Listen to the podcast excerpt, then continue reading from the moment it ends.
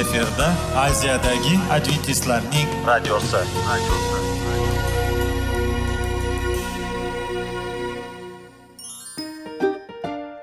Assalomu alaykum radio tinglovchimiz. Dasturimizga xush kelibsiz va bizni tinglayotganingizga sizdan judayam minnatdormiz.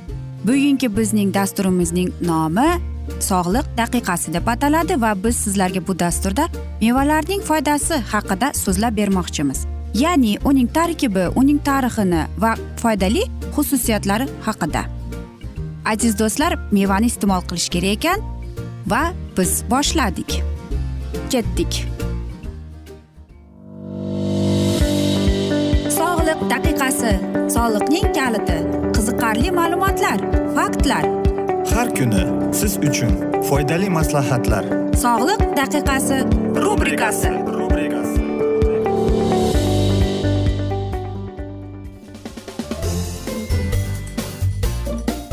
assalomu alaykum aziz radio tinglovchilar. Dasturimizga xush kelibsiz va biz sizlar bilan tana va sog'liq degan dasturda xushvaqt bo'ling deb aytamiz.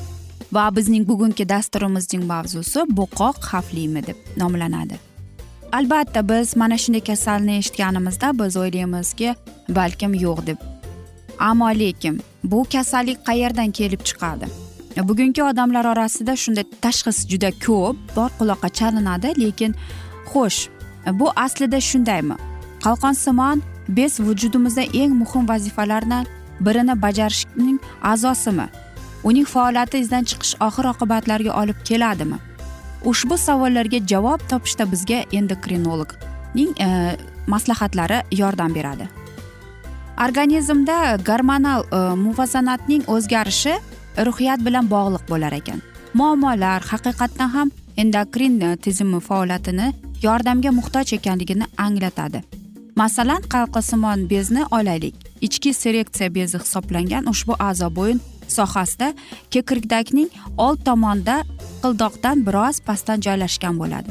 Qalqonsimon bez tok a'zo bo'lib bo'yinda bilan birikkan ikki palladan iborat bo'ladi. Kattalarda ushbu bezning vazni o'ttiz qirq grammni tashkil qilar ekan. U qanday paydo bo'ladi deymiz. Homiladorlik davrida homila bosh miyasi rivojlanishda ishtirok etadi. Organizmdagi me'yoriy energetik almashinuvni ta'minlaydi. Aksil sintezni rag'batlantiradi deyishadi.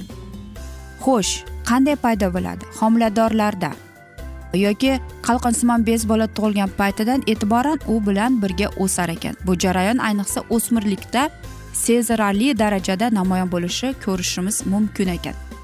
Organizmda masalan yod tanqisligi yuzaga kelsa qalqonsimon e, bez hujayralari ko'proq yodni ushlab qolish va kerakli miqdorda gormonallar ishlab chiqarish maqsadida kattalasha boshlaydi. Kasallikni qanday qilib aniqlaymiz?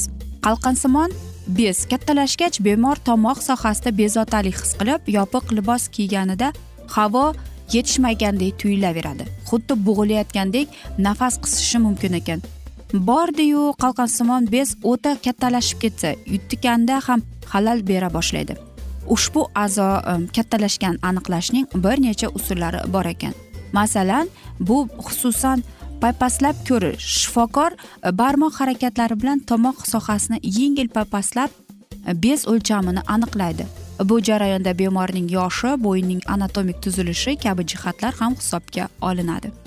Shunga ko'ra shifokor bir necha darajalarni aytishi mumkin. Masalan u daraja buqoq yo'q deganida anglatadi. Bir daraja buqoq ko'rinmaydi lekin papaslaganda uning bo'lakli o'lchamli barmoq o'lchamidan kattaligini taxmin qiladi. Ikki darajasi bu buqoq xastaligini borligini yaqqol bildiradi. Buqoq o'lchamini aniqlashda ishonchli usullardan biri bu ultratovush tekshiruvi bo'lib bunda qalqonsimon bez hajmi maxsus formula yordamida aniqlanadi. Albatta biz aytamiz uning e, belgilari qanday deb. U aytaylik qalqonsimon bez uy vazifasi bajarilmasa masalan o'z vazifasini organizmda turli o'zgarishlar yuz bera boshlaydi. Masalan kuchli toliqilish holsizlik teri quruqlashib qolishi mumkin soch to'kiladi tirnoqlar sinuvchanligi bo'lib qoladi mehnat unumdorligining susayishi bilan tasvirlanadi. Qarangki buqoqning ham foydali tomoni bor ekan. Buqoqdan xalos bo'lish mumkinmi degan savol berilib keladi. Xalqona tilda aytganda ichki buqoq xavfli ammo tashqi taraflama joylashganini jarrohlik yo'li bilan davolash mumkin. Xo'sh aslidachi?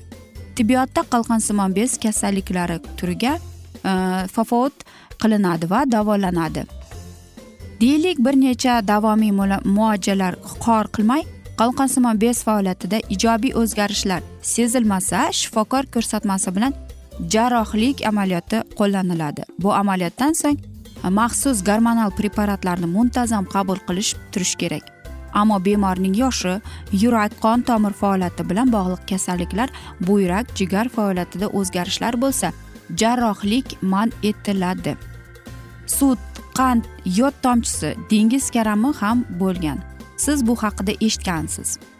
Nahorda bir stakan sut yoki bir bo'lak oq qandga bir tomchi yod eritmasini tomizib ichilsa yod yetishmovchiligining oldini olish mumkin ekan.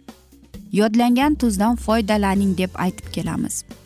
Yodlangan tuz iste'mol qilish qalqonsimon bez kasalliklarining oldini olishga xizmat qiladi. Bodring yoki pomidorni ikkiga bo'lib ustiga yodlangan tuzdan sepib iste'mol qilsangiz foydaliroqdir. Ammo uning issiq sho'rvaga solsangiz uning oddiy tuzdan farqi qolmaydi. Qolaversa yodlangan tuzni usti yopiq va quruq va qorong'i joyda saqlash kerak ekan. Aziz do'stlar mana shunday foydali maslahatlar. Qanday qilib deymizmi? Siz o'z nima ovqat yeysiz? Qanday e, siz o'z hayotingizni mo'ljallaysiz shu haqida. Aziz do'stlar albatta bu kasallik uchun Э, biz aytamizki э, qalqonsimon bez bu bizga kerak. Ammo lekin э, yuqorida aytib o'tilgandek ham agar bizda yod yetishmasa demak u kattalashaveradi va biz yuqorida aytib o'tgandek mana shunday belgilarni sizda bo'lsa unda aziz do'stlar siz doktorga borishingizni tavsiya etamiz. Va bu sizga qandaydir ma'noda yordam beradiki o'zingizni tanangizni boshqarib turishga. Va aziz do'stlar mana shunday asnoda biz afsuski bugungi dasturimizni yakunlab qolamiz chunki bizning dasturimizga vaqt birozgina chetlatilgani sababli. Ammo lekin sizlarda savollar tug'ilgan bo'lsa biz sizlarni salomat klub internet saytimizga taklif qilib qolamiz. Va biz umid qilamizki siz bizni tark etmaysiz deb chunki oldinda bundanda qiziq va foydali dasturlar sizni kutib kelmoqda. Va albatta aziz do'stlar oxirida aytmoqchimanki biz sizlarga va yaqinlaringizga tinchlik totuvlik tilab baxtlik tilab o'zingizni va yaqinlaringizni ehtiyot qiling deb sog' qoling deb xayrlashamiz.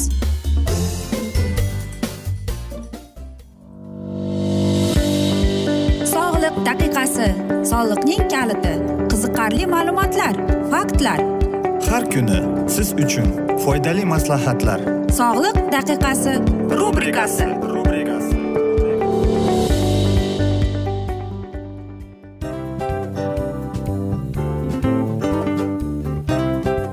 mana ha hayotda hamma narsaning yaxshi narsalar tugaydi va yakunlaydi degandek bizning dasturimizga ham yakun keldi.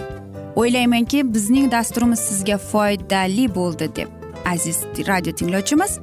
Va siz o'zingiz uchun kerakli xulosalar kerakli maslahatlar olib oldingiz.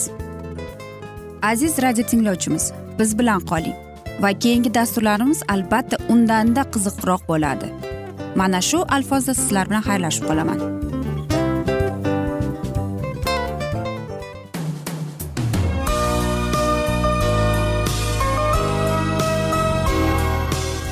Efirda aziyadagi adventistlarning radiosi.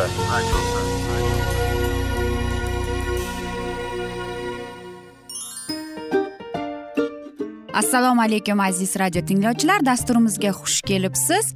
Va sizlarni bugun biz munosabatlar haqida sizlar bilan suhbat qurmoqchimiz. Ya'ni ikki sevishganlar to'g'risida yoki er xotinning o'rtasida bo'lgan munosabatlar haqida.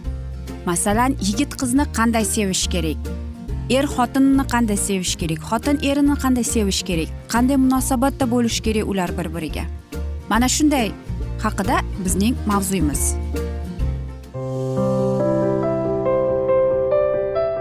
Har kuni har xil kasbdagi odamlar bilan sirlashish va bo'lishish sevgi rashq munosabat bularni hammasi dil izhori rubrikasida.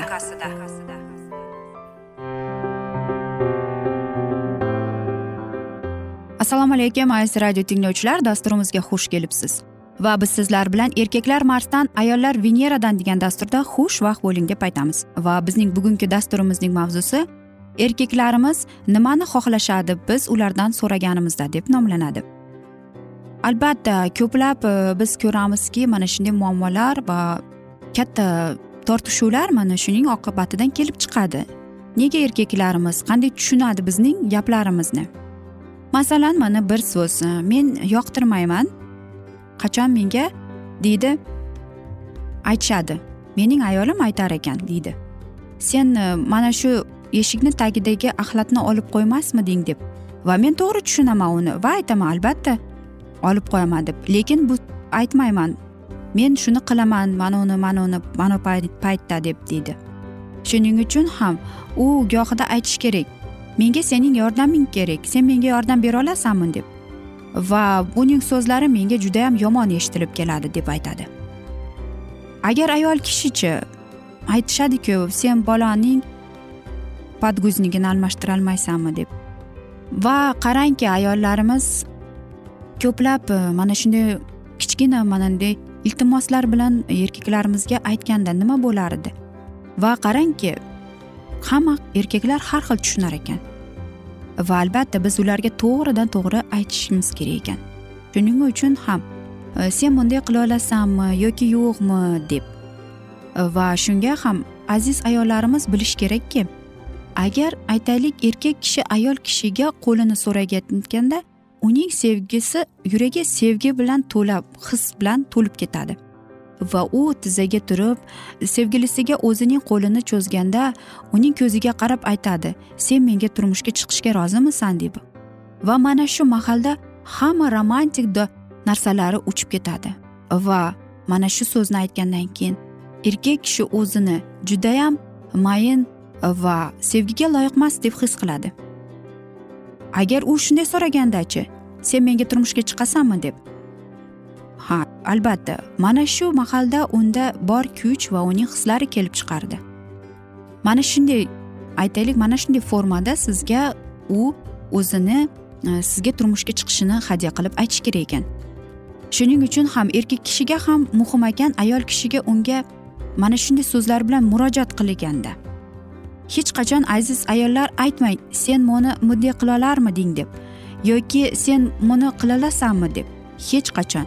Chunki bu iltimoslar erkak kishiga ishonchsizlikni va siz unga uni bosim qilayotganingizni sezishar ekan.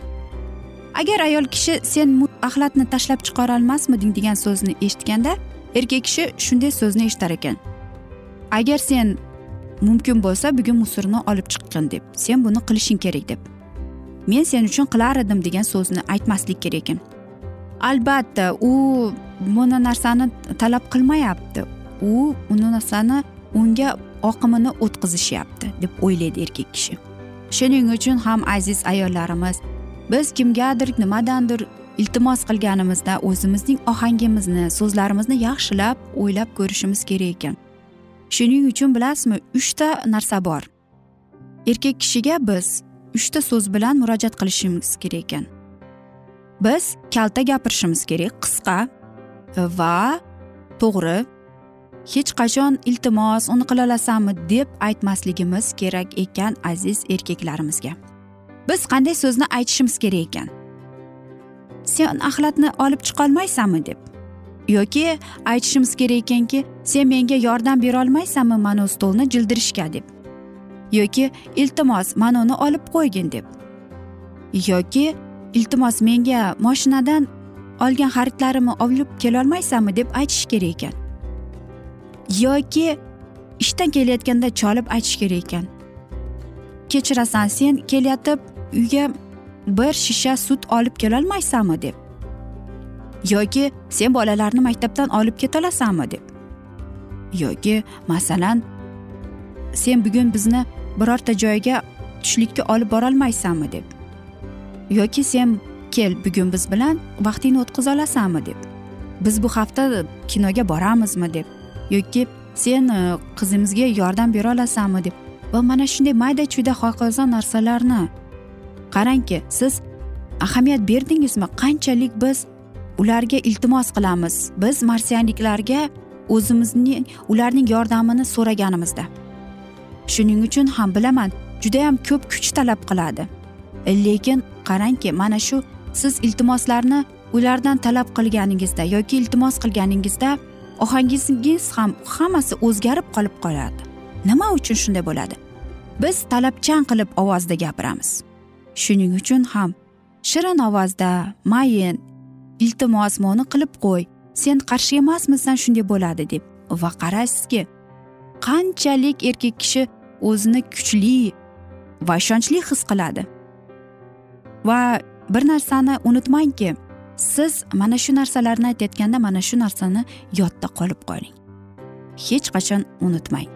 Qisqa to'g'ri gapirish kerak va albatta unga minnatdorchilikni bildirishni unutmang. Axir bu eng oson eng oddiy narsa. Sizga aytaylik boshqa xonadan bir narsani olib keldi. Nima bo'ladi? Minnatdorman. Rahmat senga. Bo'ldi. Qanday qilib? Lekin biz o'ylaymizki erkaklarimiz ham shunday bo'larmikin deb. Aziz ayollarimiz va e, erkaklarimiz biz unutmaylik. Biz umuman boshqa boshqa sayyoradanmiz marsda umuman ayollar veneraliklar yo'q edi. Shuning uchun ham ularning E, dunyoqarashi suhbatlashishi va umuman gaplashishi boshqa boshqadir. Erkaklar aniq qisqa qilib gapirishni yaxshi ko'rishadi. Ular bizga o'xshab bunaqa edi unaqa edi degan so'zni yoqtirishmaydi. Ularga aniq ravshon va qachon qayerda nima bo'ldi. Shuning uchun ham aziz e, radio tinglovchilar aziz ayollarimiz aziz veneraliklar va men o'ylaymanki bugungi bizning dasturimiz sizga mamnun bo'ldi deb va birozgina bo'lsada sizga yordam bo'ldi deb. Va bugungi dasturimizni mana shu asnoda afsuski yakunlab qolamiz chunki bizning dasturimizga vaqt birozgina chetlatilgani sababli.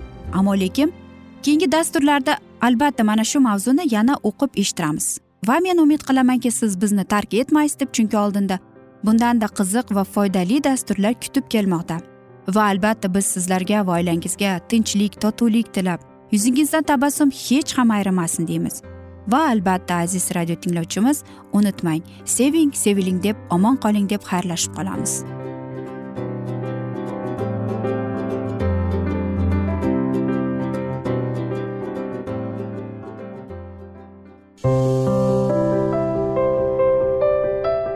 Har kuni har xil kasbdagi odamlar bilan sirlashish va bo'lishish.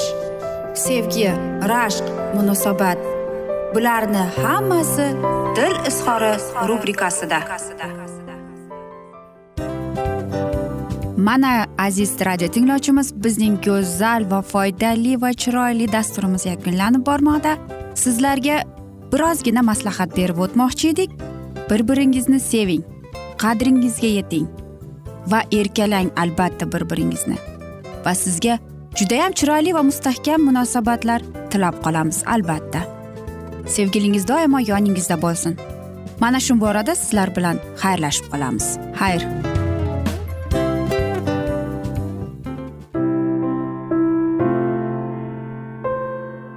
Hayotning noni. Qiziqtirgan savollar va javoblar. Buning hammasi ko'ngil uchun ozuqa rubrikasida.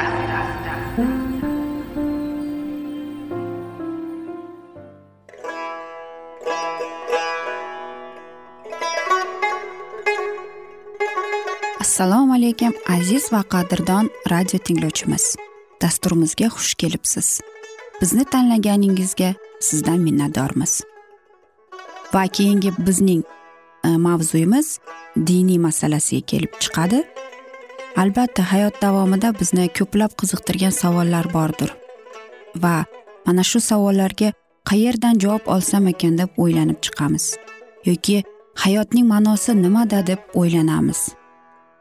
Mana shunday dasturlar o'ylaymanki siz sizga foyda bo'ladi deb. Aziz do'stlar bugungi bizning mavzuyimizning nomi vahiy kitobning ochilishi. Ya'ni bu muqaddas kitobda shunday deb yozilgan. Vahiy kitobning bizga bo'lgan buyuk sovg'asi deb. Albatta mana shunday kitobni eshitib quloq solib e'tiborli bo'lsak biz o'zimizning qiziqtirgan hayotning ma'nosini tushuntirgan bizni kelajakda nima kutayotganini mana shu kitobdan bilib olamiz albatta. Va xudoyim bizga qanday rejalar ochgan bizga qanday kelajak kutayotganini aynan mana shu kitobda yozilgan va bizga mana shu kitob orqali xudoyim bizga aytib bergan. Keling aziz do'stlar mana shu kitobni e'tiborli va yaxshilab quloq solib va chuqurroq nazar solaylik shu muqaddas kitobga. Assalomu alaykum aziz radio tinglovchilar. Dasturimizga xush kelibsiz va biz sizlar bilan ulug' kurash degan kitobni o'qib eshittirayotgan edik. Va bizning bugungi dasturimizning mavzusi global diniy uyg'onish deb nomlanadi. Masihning ikkinchi bor olamga qaytishi vaz qilishga undagan buyuk global uyg'onish aziz pir yuxananing vahiy kitobning o'n to'rtinchi bobida farishtaning ilk xabarini bashoratida aytilgan. Quyidagi oyatlarda yuxano shunday deydi. Shundan keyin osmon o'rtasida uchib borayotgan boshqa bir farishtani ko'rdim. Bu farishta yer yuzida yashovchi har bir millat qabilaga har qanday til va xalqqa abadiy mujda keltirayotgan edi. U baland ovoz bilan shunday dedi. Xudovanddan qo'rqing uni ulug'lang uning hukm qilish vaqt soati keldi. Yeri ko'kni dengizni buloqlarni yaratganga sajda qilinglar deb. Ushbu ogohlantirishning eng muhim jihati shundan iboratki bu xabar farishta orqali yetib keldi. Xudo donolikning samoviy xabarchisi pok shon shuhrat va kuch qudratga namoyon bo'ldi. Chunki u keltirgan xabar buyuk xizmatning ulug'vorligini va yuksakligini shuningdek unga hamroh bo'lgan shon sharaf va faxr iftifoqni tafsirlab berish lozim bo'ldi. Osmon o'rtasida uchib borayotgan farishta yer yuzida yashovchi har bir millat va qabilaga har qanday til va xalqqa qaratilgan baland ovozda farishta keltirayotgan abadiy mo'jda bularning hammasining ushbu xabarning tez orada butun dunyo bo'ylab keng tarqalishini anglatadi. Xabarning o'zi bu harakat qachon va qay vaqtida boshlanishi kerakligini tushuntirib beradi. Xabar abadiy injilning bir qismini tashkil etib hukm qilish vaqti soati kelganini e'lon qiladi. Najot topish haqidagi xabar barcha asrlarda targ'ib qilingan. Ammo bu xabar injilning bir qismi bo'lib oxir zamon yaqinlashganda vaz qilishni kerak edi. Zero ana shundagina hukm qilish vaqti soati keladi. Bashoratlarda hukm boshlanishi oldidan yuz berishi kerak bo'lgan voqealar haqida aytilgan. Ayniqsa payg'ambar doniyor kitobiga taalluqlidir. Biroq so'nggi kunlarda tegishli bo'lgan bashoratlarni oxir zamon yetib kelmaguncha sir saqlab muhrlab qo'yish doniyorga amr etilgan. Bu bashoratlarning amalga oshishiga asoslangan hukm haqidagi xabar ana shu vaqt yetib kelmaguncha qadar e'lon qilinishi mumkin bo'lmagan. Payg'ambarning aytishicha bu davr mobaynida ko'p odamlar o'zlarini u yoqdan bu yoqqa urib yuz berayotgan hodisalarni tushunmoqchi bo'ladilar.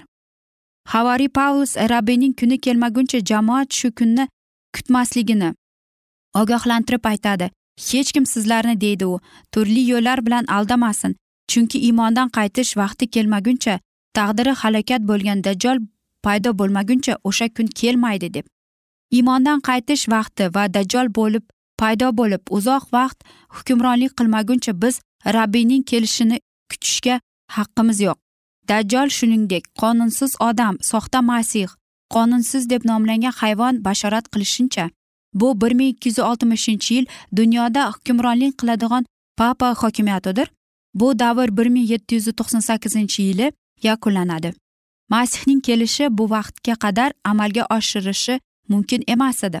Pavlusning ogohlantirishi butun milodiy asrga to bir ming yetti yuz to'qson sakkizinchi yilgacha taalluqli bo'lgan.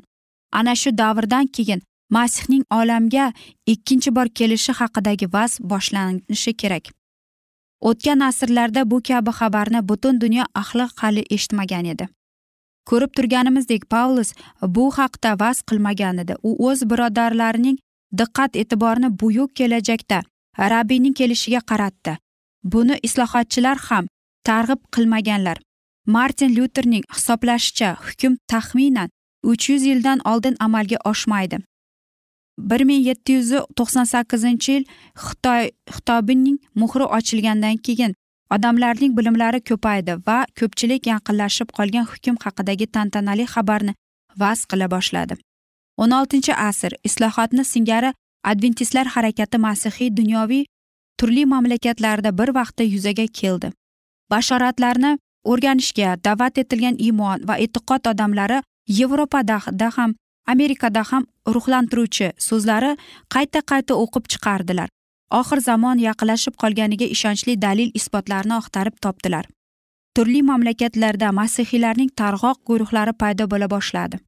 Ana shunday guruh a'zolari kalomni jiddiy va chuqur taqiq qilish natijasida qutqaruvchining kelishi yaqinlashib qoldi degan xulosaga keldilar. bir ming sakkiz yuz yigirma birinchi yili kun vaqtini ko'rsatib beruvchi bashoratlarni miller izohlab bergandan keyin uch yil o'tgach rabbiyning yaqin orada kelib qolishi haqidagi xabarni jahongashta missioner iosif volf e'lon qila boshladi.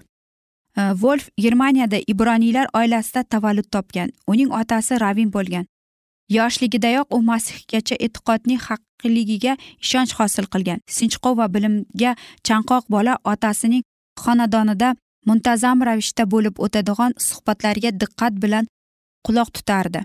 Ularning uyida har kuni iymonga kelgan yahudiylar to'planishib o'z xalqlarining orzu umidlari kelayotgan yog' suritilganning shon shuhrati isroilni tiklash haqida suhbatlashlar edilar. Kunlarning birida bolakay nasroylik iso masih haqidagi suhbatni eshitib qoladi va u haqida ko'proq bilishni xohlaydi. U nihoyat taqli mehribon va kamtar yahudiy bo'lgan deb javob berdi yosifga kattalar. Lekin iso o'zini yahudiylarning podshohi deb e'lon qilgandan keyin yahudiylarning oliy ruhoniyalari kengashi uni o'limga hukm qildilar. Nima sababdan deb so'rab surishtirdi bolakay qudus vayron bo'ldi. Biz esa qullikdamiz. Ming afsus o'g'lim javob berdi ota. Biz yahudiylar payg'ambarlarni o'ldirganimiz uchun shunday bo'ldi deb. Aziz do'stlar mana shunday alfozda biz bugungi dasturimizni yakunlab qolamiz. Va sizlarda savollar tug'ilgan bo'lsa biz sizlarni alkitab media internet saytimizga taklif qilib qolamiz va albatta biz sizlarga va yaqinlaringizga tinchlik totuvlik tilab o'zingizni ehtiyot qiling deb xayrlashib qolamiz.